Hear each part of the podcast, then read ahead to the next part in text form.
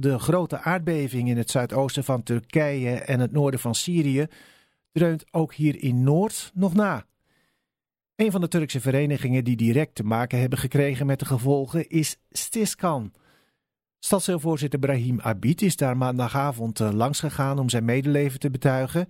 En voor voorzitter Ali Mersimek voelde dit, ondanks alle ellende, als een hart onder de riem. Je bent niet blij mee, maar ik was ontzettend blij dat we door de overheid ook gesteund zijn door dit uh, stadsdeel Noord, zal ik maar noemen. Ja. Nou, we hebben allemaal de, de, ja, de vreselijke beelden gezien op tv. Wat voor impact heeft dat op uw vereniging? Nou, uh, vanaf zelfde s'avonds, nachts zelf, uh, waren we heel actief. Mensen konden bij elkaar bellen. Uh, wie woont in dit gebied? Hebben we overleden in dit gebied? maar in ieder geval, het grootste gedeelte mensen komt ook uit dit gebied. Dus we hebben altijd communicatie met dat gebied. Maar die mensen die, die woont het grootste gedeelte woont hier, maar zijn familie, uh, verdere familie woont daar. En zijn er ook slachtoffers gevallen van uh, mensen hier, familieleden of vrienden in het gebied? Ja, ja dat klopt. Zijn ook familieleden is, is slachtoffer gevallen in dat gebied. En we hebben op dezelfde avond hebben we in de moskee, bij de Kuba moskee, valt onder dezelfde uh, gebouwen, hebben we uh, gebeds gedaan uh, voor de overledenen en daar zijn ook natuurlijk pers ook bijgekomen. En ik ben ook ontzettend blij dat alle kanten daarmee worden we ondersteund. Ja. Zijn de mensen ook boos dat die huizen daar blijkbaar zo slecht gebouwd zijn?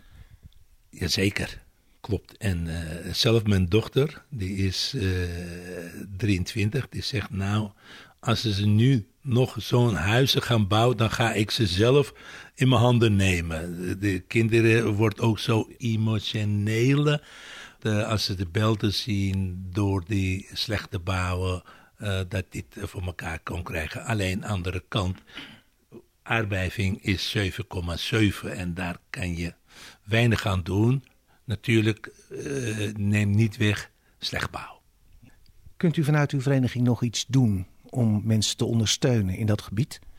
Nou, we hebben vanaf dezelfde dag, zo waren we heel actief bezig, wat je kan doen. Uh, morele ondersteuning, dat hebben we gedaan.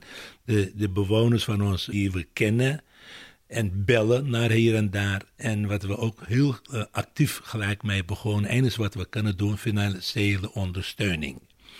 We hebben een campagne begonnen en wij hebben gisteren was de eerste telling van de campagne. We hebben 21.000 euro hebben we opgehaald. Hoeveel zegt u precies?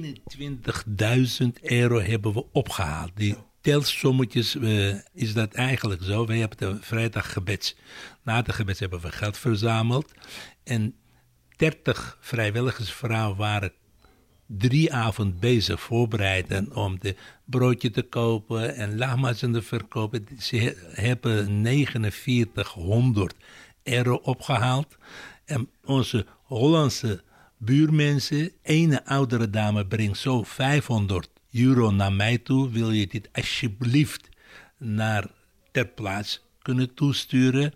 En zo komt de elde som erbij. We hebben gisteravond een telsommetje gedaan. Dat was 21.500 euro. Ik ben ontzettend blij met actief deelnemen van de mensen mee. Ja.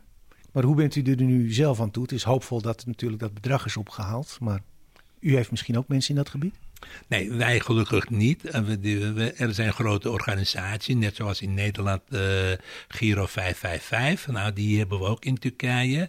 zijn hele bekende organisaties, net zoals uh, Rode Kruis hebben we ook in Turkije. En die geld en is wat we kunnen doen, geld overboeken naar hun toe. En dan hopen we dat het goed terechtkomt. En je, zal, je ziet het ook op de beeldschermen, dat worden we gelukkig door de 95 landen is nu daar actief bezig, zelf Nederland ook. Ik heb gisteren gehoord van uh, consul-generaal van Nederland dat de Nederlandse ploeg met zijn 35 team versterkte daar aan, aanwezig zijn en ze hebben 13 mensen hebben ze gered. Dat is toch prachtig. Dus ondanks de ellende bent u toch nog wel positief? Ja, tuurlijk. Uh, waar we nog positief zijn en je kijkt continu naar de televisie en de haalden ze eergisteren een dame uit die 26 is en die waren nog niet uit de, onder de puin.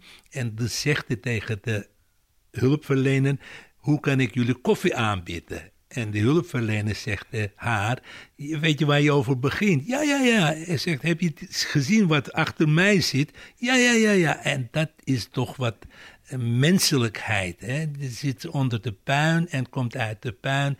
En dan zegt hij, hoe kan ik voor jullie koffie aanbieden? Meneer Messimek, dank u wel.